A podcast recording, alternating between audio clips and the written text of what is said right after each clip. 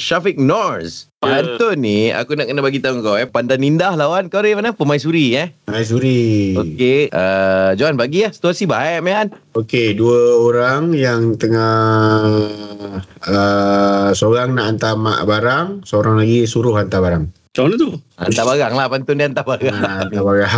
Okey, lepas bunyi loceng kau kena start dulu tau. Tiga, dua, satu. Ria, Ria dulu, Ria dulu. Okey, Ray lu Ray. Dia tak tahan. Bunga selasih, Ah, daun kelapa. Ha, hari ni delivery, kau nak hantar apa? Okey. Pagi-pagi, minum air kelapa. Abang nak bayar, bayar saya berapa?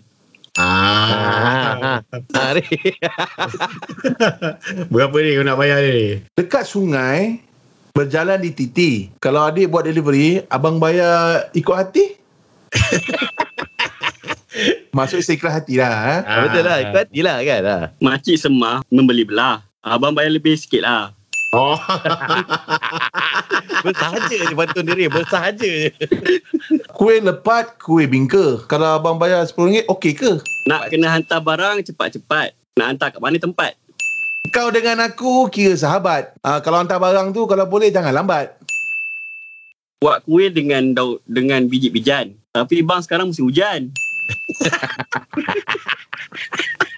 Singgah ke gerai, beli kuih bahulu. Ha, kalau tak boleh cepat-cepat, kau rehatlah dulu. Sekarang ni aku sikit kepala. le le le ah. Abang nak nak suruh saya hantar kat mana?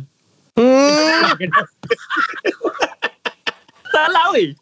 Kepala dengan ne, mana kena? Okey, Syafiq, uh, kau kena umumkan yang Ray menang eh. Re, re. Ya, yeah, ya. Yeah. You win. Yeah, baby.